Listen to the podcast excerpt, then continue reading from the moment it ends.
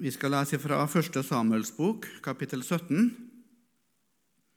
Vi skal begynne med de tre første versene. Jeg var på Josheim på tirsdag.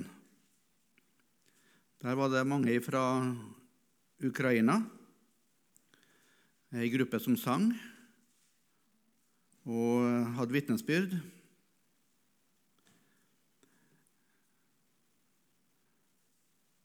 Det er ikke så mye på nyhetene fra Ukraina nå som det var de første ukene. Da var det nesten kontinuerlig.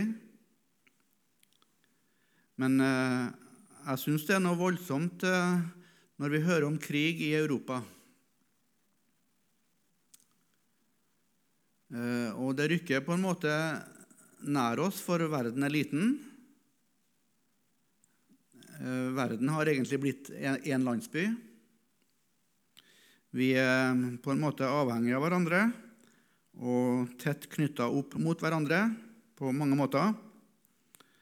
Så det er en, liksom en ny situasjon, i alle fall for meg, at, eh, at det er krig.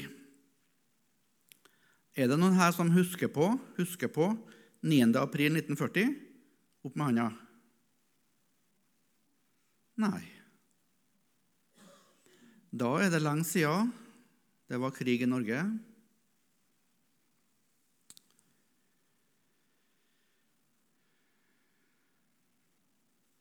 Den krigen vi ser i Ukraina i dag, det er krig eh, etter en modell som på en måte Adolf Hitler var en eksponent for. Han var kanskje den første som, som begynte med den type krig. Han kalte det sjøl for 'den totale krig'. Hva mente Adolf Hitler med det? Jo, han mente det at når det var krig, så var hele samfunnet med veldig konkret. Det gamle skillet mellom sivil og soldat det var på en måte viska ut. Alle måtte li Alt og alle var med veldig direkte. Sånn var det i andre verdenskrig, og sånn er det i Ukraina i dag. Det er ikke bare soldater som dør, men kvinner og barn. Infrastruktur blir bomba. Veier og jernbaner. Vannverk og, og, og kraftverk. Sivilbefolkning lir. Det er den totale krig. Det er en måte å føre krig på som ikke er så veldig gammel. Når Norge ble samla ved slaget i Hafrsfjord, så var det ingen kvinner og barn som omkom. Ikke én når Norge ble kristna ved slaget på Stiklestad i år 1029. Da var det heller ingen sivile som omkom. Ikke én. For da drev de ikke med den totale krig. Da var det krig etter eh, slagstedmodellen. Og Nå skal vi lese fra 1. Samuel 17. Og så skal vi se hva de holder på med der. Filistrene samlet sine hærer til kamp og kom sammen i Soko, som hører til Juda. De slo leir mellom Soko og Aseka ved Efestamim. Saul og Israels menn samlet seg også. De slo leir i Terebintedalen og fylket seg mot filistrene. Filistrene sto ved fjellet på den ene siden, og israelittene ved fjellet på den andre siden, så de hadde dalen mellom seg. Her er det et helt klassisk oppsett etter krig på slagstedvise. Krig etter slagstedmodellen. De har den flate dalbunnen i midten, så er filistrene på den sida, tusener, kanskje titusener. Så Saul og hans menn de er på andre sida av dalbunnen. Også der er det tusener, kanskje titusener. Og så sitter de på begge sider av dalen og strammer sin buestreng og kvesser sitt sverd og sine pilspisser, sjekker fottøyet, sjekke hjelmen og ringbrynja og gjør seg klar til strid. Ingen kvinner, ingen barn. Det er en veldig innsnevra måte å føre krig på, sammenligna med den totale krig. Ser du det? Veldig innsnevra. Og så leser vi vers 4. Da, da, midt i forberedelsene til krig etter slagstedmodellen De gjør sine forberedelser, de gjør sine forberedelser. Da Det ser ut som det kommer helt uventa. Da Ja, hva da? Da kom det en tvekjemper ut fra filistrenes leir han heter Goliat og var fra Gat. Han var seks alen og ett spann høy. Han var nesten 2,70 høy. Går det an? Ja, det går an. Leser du Guinness rekordbok i dag, så er vel verdens høyeste mann 1,250 og noe. Jeg tror han er der omkring. Men de har funnet skjelett etter mennesker som er vesentlig høyere enn det høyeste mennesket i dag. Så det der er troverdig som alt annet skriftord. Men han var stor. Han var en kjempe. Og han var en tvekjemper, står det. Det var yrket hans. Han var yrkessoldat. Og han var trent opp i å føre krig på enda en tredje måte, altså. Ikke den totale krig, ikke krig etter slagstedmodellen, men eh, han var opptrent og utdanna i den krigskunst som heter tvekampen. Hva betyr ordet tve? Jo, det tipper jeg mange her vet. Det er det gamle norske ordet for to. En tvekjemper det er altså en tokjemper.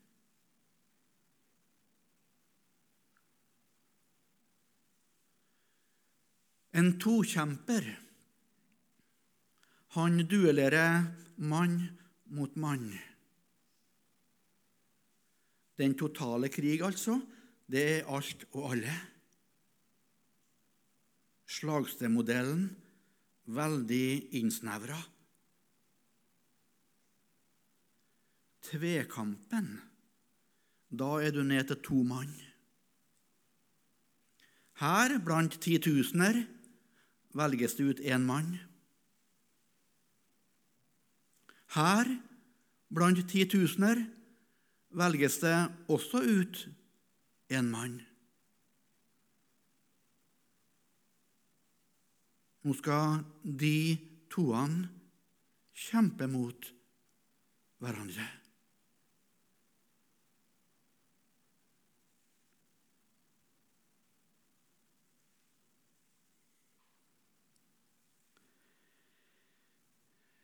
Fra vers 5 så får vi en skildring av hans eh, våpen og hans rustning. Det var voldsomme saker. Det var fryktinngytende saker. Vi skal ikke lese de versene. Vi hopper til vers 8. Og der står det sånn Han, tvekjemperen, Goliat altså, han sto fram og ropte over til Israels fylking og sa til dem:" Hvorfor drar dere ut og fylker dere til strid? Er ikke jeg filisteren og dere Sauls treller? Han håner dem. Han håner dem. Han sier det, det bor ikke fnugg av fedrelandskjærlighet i dere. De har ikke kommet hit av fri vilje for å kjempe. De er dratt hit fordi de er treller under deres konge. De er ikke frie menn som kjemper for kvinner og barn og land og fred og frihet. Nei, de er tvunget mot deres vilje ut i krigen. De er usle treller. Han håner dem altså. Og så utfordrer han dem til å bli med på krig etter hans premisser. En tokam, altså. Han sier i slutten av vers 8 her Velg ut én mann og la ham komme ned til meg. Ser du slagmarka foran deg? To veldige hærer som gjør seg klar. Og så får de høre det ser ut til å bli tokamp i stedet. Vi er helt ukjent med den krigsformen, men det var ikke så uvanlig for 3000 år siden, altså på Saul og David sin tid. Og Her blir det en aktuell situasjon for eh, Saul og hans menn. Skal vi gå med på tilbudet om tvekamp?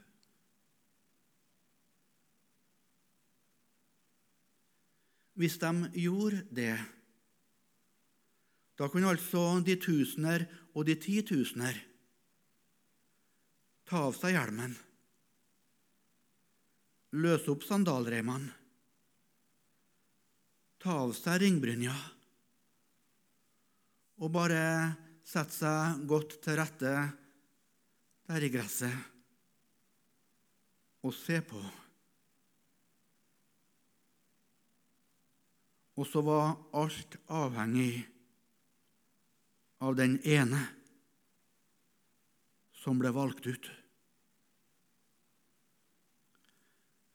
I stedet for at alle skulle gå fram og møte fienden, så var det nå én som trer fram i stedet for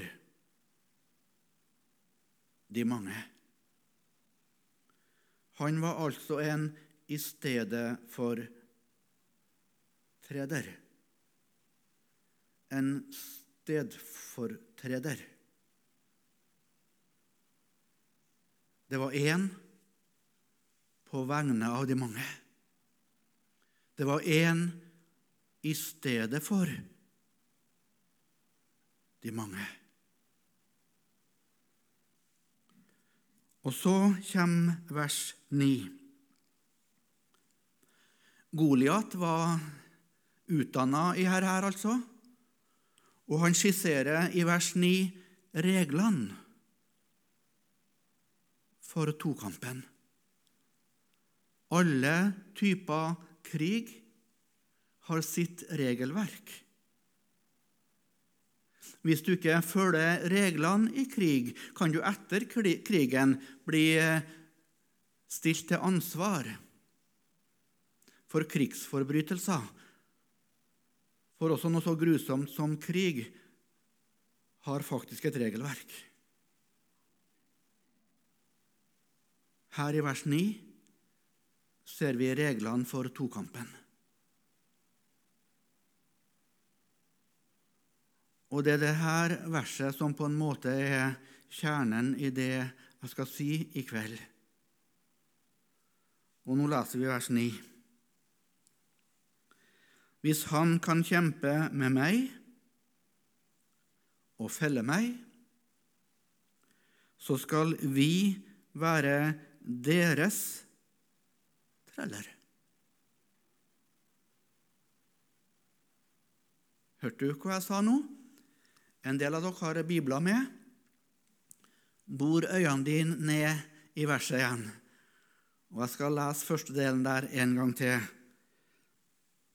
Hvis han kan kjempe med meg og felle meg Ser du toene som kjemper? Så skal vi Ikke jeg, altså, men vi. Vi skal være ikke dine treller, men deres treller. Ser du hvordan det veksler mellom entall og flertall? Kampen foregår mellom to Men resultatet gjelder alle. Og nå sier jeg en setning som jeg kommer til å gjenta flere ganger i løpet av andakten her. Bare forbered deg på å høre den mange ganger i kveld. Det som skjer med den ene, blir alle til del.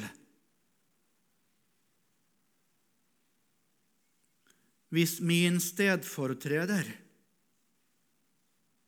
hvis han som trer fram i stedet for meg og på vegne av meg, hvis han taper, da er det egentlig ikke bare han som taper, men jeg taper. Ja, er det rettferdig, da? Reglene er sånn. Reglene er sånn.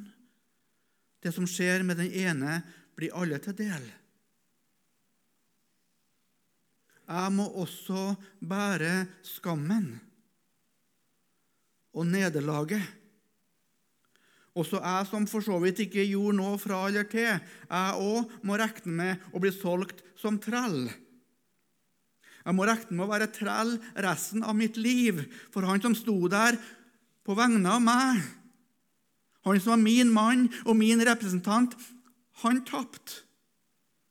Og da var det ikke bare han som tapte, men jeg tapte. Men hvis han vinner, ja, da er det ikke bare han som vinner. Men da får jeg òg del i seieren. Jeg kan være med å dele krigsbyttet, jeg òg. Jeg går rikere hjem da, sjøl om jeg ikke gjorde noe for det var vår mann som vann. Ser du hvor eh, mye det er som avhenger av den ene i tokampen?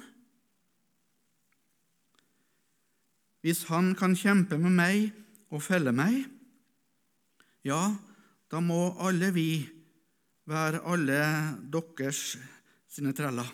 Men hvis jeg får bukt med ham, og feller ham, så skal dere være våre treller og tjene oss.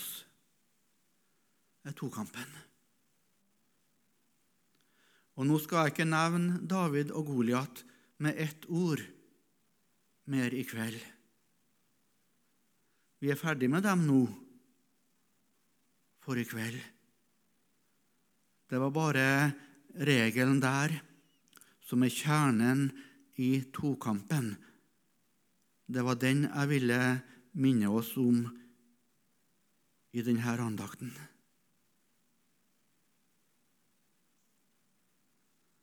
For i menneskehetens historie så er det to ganger at det har vært sånne tvekamper som på en helt grunnleggende måte har fått betydning for alt som mennesket heter. Den første, helt avgjørende tvekampen, den sto i Edens hage. Der var det Adam som ble satt på prøve. Og motstanderen steg fram og kom en i møte. Slu og sleip. Det var tvekamp. Og jeg har lyst til helt enkelt å si det, at samme hva du hører om Adam, så skal du i din tanke og i din tru og i din erkjennelse helt enkelt holde fast på at han var en historisk person. Adam har levd. Vi vet hans alder. Vi vet navnet på kona hans. Vi vet navnet på flere av hans barn. Vi vet en god del om Adam. men samtidig med det at han var en historisk person, så står han der altså som en representant for oss alle sammen. Adam betyr menneske. Navnet Adam betyr det. Så her sto personen Adam, men her sto alle. Og nå gjentar jeg regelen for tokampen. Det som skjedde med den ene, ble alle til del. Vi skal ikke gå i detaljer nå om Adams fall. Vi skal bare slå fast at Adam falt. Han ble beseira.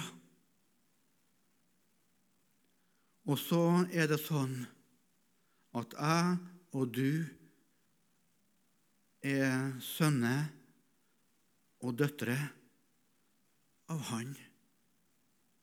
Jesaja sier det at eh, vår første Adam, vår første far, falt. Vår første far falt. Og det vet en Jostein, og det vet en Lars òg, og Julian, og alle her på Karmøy og Randi, og alle som har vært i Øst-Afrika, at de to ordene for menneske i Øst-Afrika, det betyr en Adamssønn. Bin Adamo. Bin, vet du hva det betyr? Bin Laden sønn av, etterkommer av, et arabisk ord. Bin Adamo, det er menneske. Det andre ordet det er moan Adamo. Det betyr akkurat det samme. Sønn eller etterkommer av Adam, bare i afrikansk rot eller ord til å begynne med. Så hver eneste gang 150-180 kanskje millioner mennesker i Øst-Afrika uttaler ordet 'menneske', så sier de 'en Adams etterkommer'. Det er noe djupt bibelsk i det, faktisk. Og det som skjedde med den ene, det ble alle til del. Jeg er bin Adamo. Du er bin Adamo. Han er vår felles far. Og han sto på prøve. Og vi på en måte var der i og med han.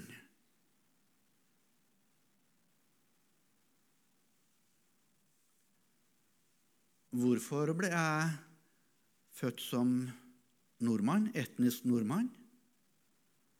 Jo, det er et lett spørsmål. Mor og far var nordmenn.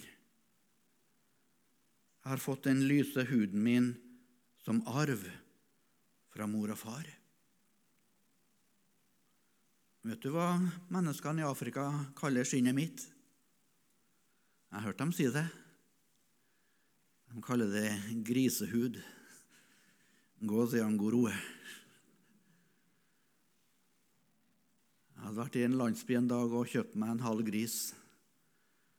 Og Så fikk jeg hjelp av en afrikaner til å lempe dette slaktet opp på, i bilen min. Så vi tok tak samtidig ned på skinka. Og så begynte Boniface å flire. Han så at det var akkurat samme farge på griseskinnet og mitt skinn. Jeg har aldri sett en afrikaner flire så godt. Ngozi angoroe. Ja, jeg har fått det som arv. Det ligger i genene, det. Jeg kunne ikke bli afrikaner, jeg, ut ifra det mor og far var. Hvor fikk jeg det glatte håret mitt fra, da? Det kalte de forresten for eh, geitehår. det zambuzi. Jeg opplevde at afrikanere begynte å stryke håret mitt og trekke litt i det og kjenne hvor glatt det var. Og jeg hadde jo lyst til å legge handa mi på den skumgummiputa som de hadde på hodet, vet du, og kjenne hva det fjæra og ga etter. Så sto vi der og klådde litt på hverandre. da. Ja, hvorfor fikk ikke jeg afrohår? Et veldig lett spørsmål. Mor og far var etniske nordmenn. Det ligger i genene. Og hvor fikk jeg det blodrøde hjertet mitt ifra? For du vet at synda sin farge i Bibelen det er ikke sort, men det er rødt. Om synda di er rød som skal lage den, og, og rød som purpur, så skal hun bli hvit som ull og hvit som snø. Hvor fikk jeg det blodrøde hjertet mitt ifra? Samme det òg. Det er arv. Det ligger i genene. Peter sier det i første brevet sitt, kapittel 1, vers 18. Dere vet. Dere vet at dere ikke med forgjengelige ting, sølv eller gull, ble frikjøpt. Frikjøpt fra hva? Den tomme ferd som var arvet fra fedrene. Jeg har arva noe tomt og noe innholdsløst og noe syndig fra mor og far. De arva det fra mine fire besteforeldre. Og de arva det fra mine åtte oldeforeldre. Og dem igjen fra de 16. Og dem igjen fra de 32. Helt tilbake til den første far som ble satt på prøve der i Edens hage. Og det som skjedde med den ene, ble alle til del. Rettferdig? Ja, reglene er sånn.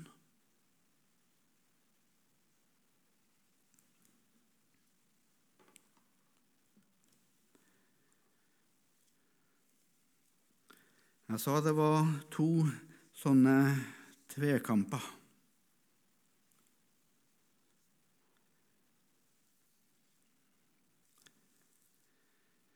Men hvor skulle han komme fra,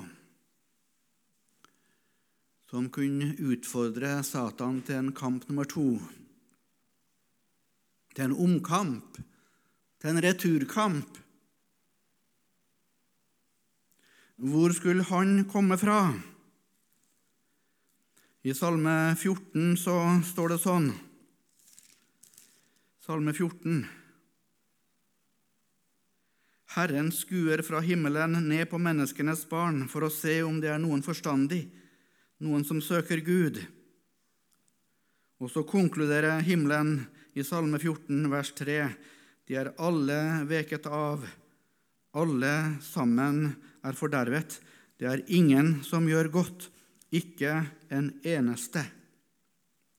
Ikke en eneste var funnet verdig til å stille opp som representant igjen for alle var besmitta av synd. Alt blod var infisert. Hvis mennesket skulle prøve å gi sitt blod, så ville det bare spre smitten og øke ondskapen og spre galskapen. Ingen var verdig å stilles fram som den første Adam der i Edens hage. Ikke en eneste, står det.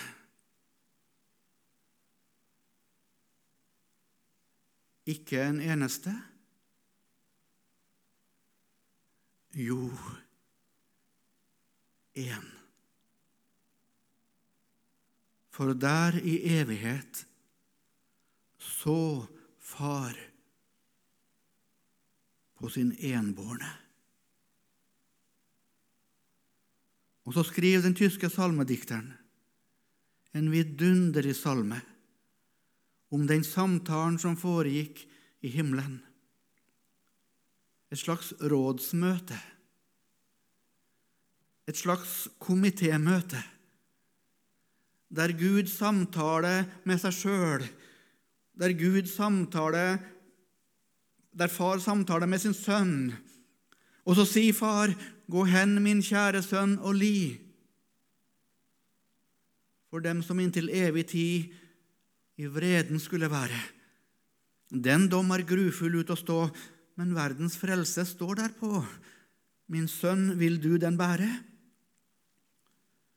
Man viser alle piner frem. Han svarer gjerne. Hvert et lem er villig til å lide. Ja, Fader, ja, av hjertens grunn, meg skje som du vil skikke. La komme kun den bitre stund, jeg dødens kalk vil drikke. Og så var den siste Adam gjort klar fra evighet av. Du må ikke komme til meg etter møtet og spørre om detaljer i dette, for jeg forstår det ikke helt.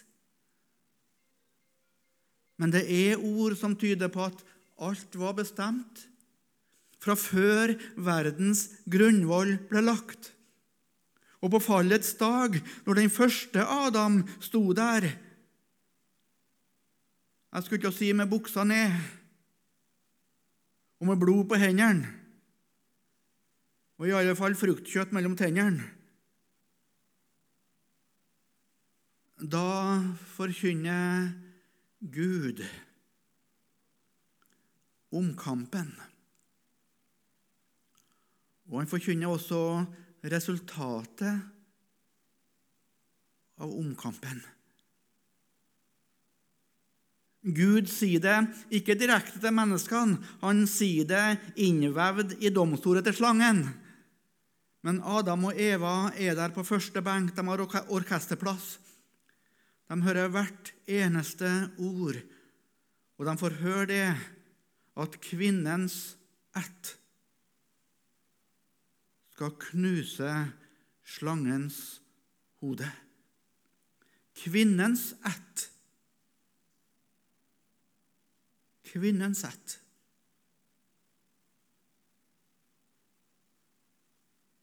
Går vi flere tusen år fram i tid og leser hva Paulus sier til galater, galaterne, så står det i tidens fylde sendte Gud sin sønn, født av en kvinne. Hvorfor står det 'født av en kvinne'? Er det noen som ikke er født av en kvinne, da? Er ikke det en unødvendig opplysning? Jeg kan jo spørre her i salen i dag. Rekk opp hånda, du som mener at du er født av en kvinne. Opp med hånda.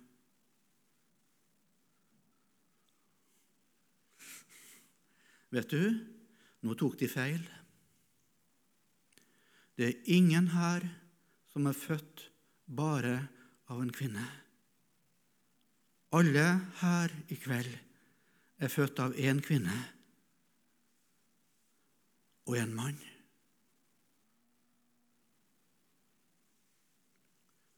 Men det er et menneske. Det er han som samtidig er Guds sønn. Han eh, står fram, sendt i Guds time. Og han, og bare han, er født av en kvinne. Og det var engelens ord til Maria. Derfor skal det som blir født av deg, være hellig og fullkomment. For du skal Det som skal unnfanges i deg, det skal bli unnfanga ikke av manns vilje ikke av kjøtts vilje, men det skal unnfanges ved Den hellige ånd. Derfor er Han hellig, som Gud er hellig. For han er Gud og mann samtidig. Og det her er viktig. Nå må du høre. Han er ikke en mellomting. Han er ikke en mellomting. Han er fullt ut Gud. Samtidig er han fullt ut menneske. Han er en mellommann, ja, men ikke en mellomting. Han har to naturer. I Gud, i, i Kristus, så stiger Gud ned. Og i Kristus så kan mennesket stige opp. Jord og himmel møtes i Han. Jord og himmel kysser hverandre, så å si, i Han. Det er gudmennesket som er begge deler samtidig, som har to naturer på én gang. Det er han. Og sånn stiger han fram, født av en kvinne. Det er Gud, og det er mennesket. Jeg er veldig, veldig takknemlig for at Jesus er fullt ut menneske. At han er min stedfortreder. Du har hørt så mye om Jesus. Du har hørt så mange preiker om han. Du har lest så mange stykker om han og andakter om han. Hvorfor skal jeg fortelle det enda en gang? Jeg har bare lyst til å si til deg nå, der du sitter på stolen din Om du kunne ha lukka øynene og tenkt på Han og så skal jeg si til deg reglene for tokampen enda en gang i kveld. Det som skjer med den ene, blir alle til del.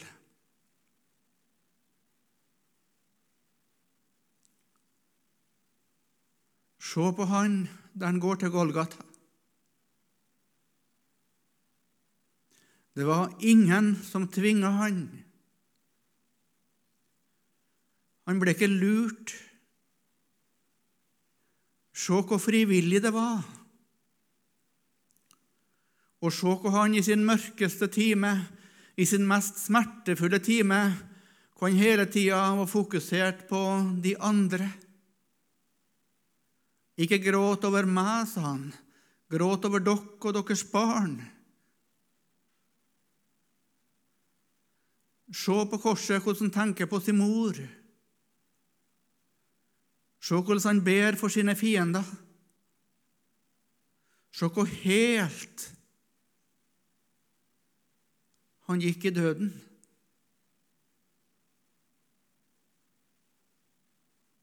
Og jeg har lyst til å hviske det enda en gang til deg. Det som skjedde med den ene, det ble alle til del. Vet du at du var med der på korset? Vet du at du ble korsfesta sammen med han?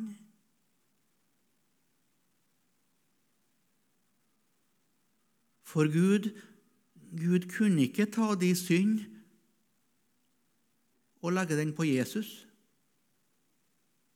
uten at du ble med.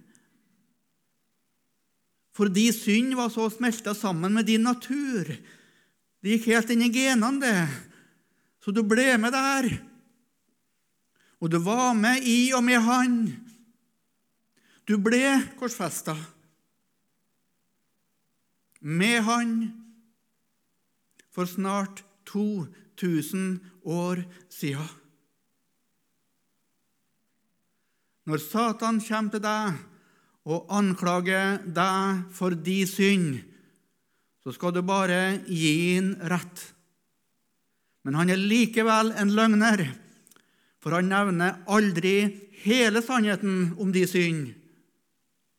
Og ei korrekt delsannhet, hvis den blir utgitt for den hele sannhet, så blir den korrekte delsannheten også ei løgn. Og han er løgnens far. Han kan ikke tale sannhet. Han minner deg bare om de synd, men han nevner aldri at synda er sona. De synd har fått sin dom, for du var med på Golgata kors. Så når Satan kommer og anklager deg, da skal du si til ham, kan ikke du nevne meg enda mer, som Jesus allerede er død for. Jeg vet du for så vidt snakker sant, men du lyver. For min synd kan ikke dømme meg. Den har fått sin dom på Golgata kors. For det som skjedde med den ene, ble alle til del.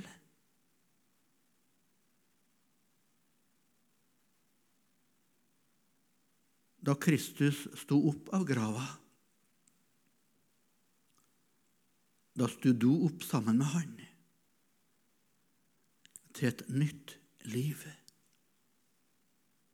Og der du sitter på stolen din nå, da skal du få regne Jesu liv som ditt liv. Jeg sier det enda en gang. Det som skjedde med den ene, ble alle til del. Se på Jesu liv. Se hvor han elska. Se hvor nær han kom mennesker. Se hvor han hvor full han var av empati og medfølelse. Se hvor rent alt var. Se hvor fullkomment alt var. Og hør det som ble sagt om han og over han der ved Jordans vann, da han steg ut av vannet etter dåpen. Dette er min sønn, den elskede. I ham har jeg funnet velbehag. Og du som ikke vet deg noe annet plass enn Jesu barm og Jesu fang og Jesu kors. Jeg har lyst til å hviske inn i ditt liv du er hans sønn. Du er hans datter, den elskede, som han har funnet behag i. Og i Kolosserne 3, vers 4 Det er mitt vers i Bibelen, eller bare et uttrykk i det verset. Der står det 'Kristus, vårt liv'. Jeg har forandra det. Jeg tror jeg har lov til det. Og så sier jeg, Kristus, det er mitt liv. Det er mitt liv. Hans rene tanker er mine rene tanker. Hans fullkommenhet, det er min fullkommenhet. Ja, er det rettferdig, da? Reglene for tokampen er sånn at det som skjer med den ene, blir alle til del.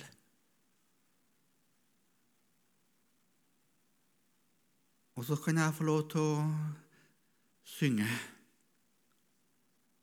at seieren er vår. Jeg var liksom ikke med i kampen. Jeg leser om den. Men eh, vi har vunnet, og seieren er vår. For han vant. Vi tar med to vers fra Romerne 5 til slutt. Romerne 5, det er vers 18 og 19. Det er Paulus' i oppsummering av dette her. Romerne 5, 18 og 19, og jeg leste som det står i min bokmålsbibel. Altså Det er en konklusjon. Altså Like som én manns overtredelse ble til fordømmelse for alle mennesker Ja, det var den første tokampen. Det var den første Adam. På samme måte, altså.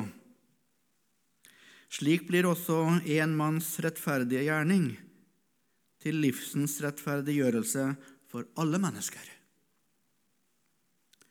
For liksom de mange kom til å stå som syndere ved det ene menneskets ulydighet, så skal også de mange stå som rettferdige ved den enes lydighet.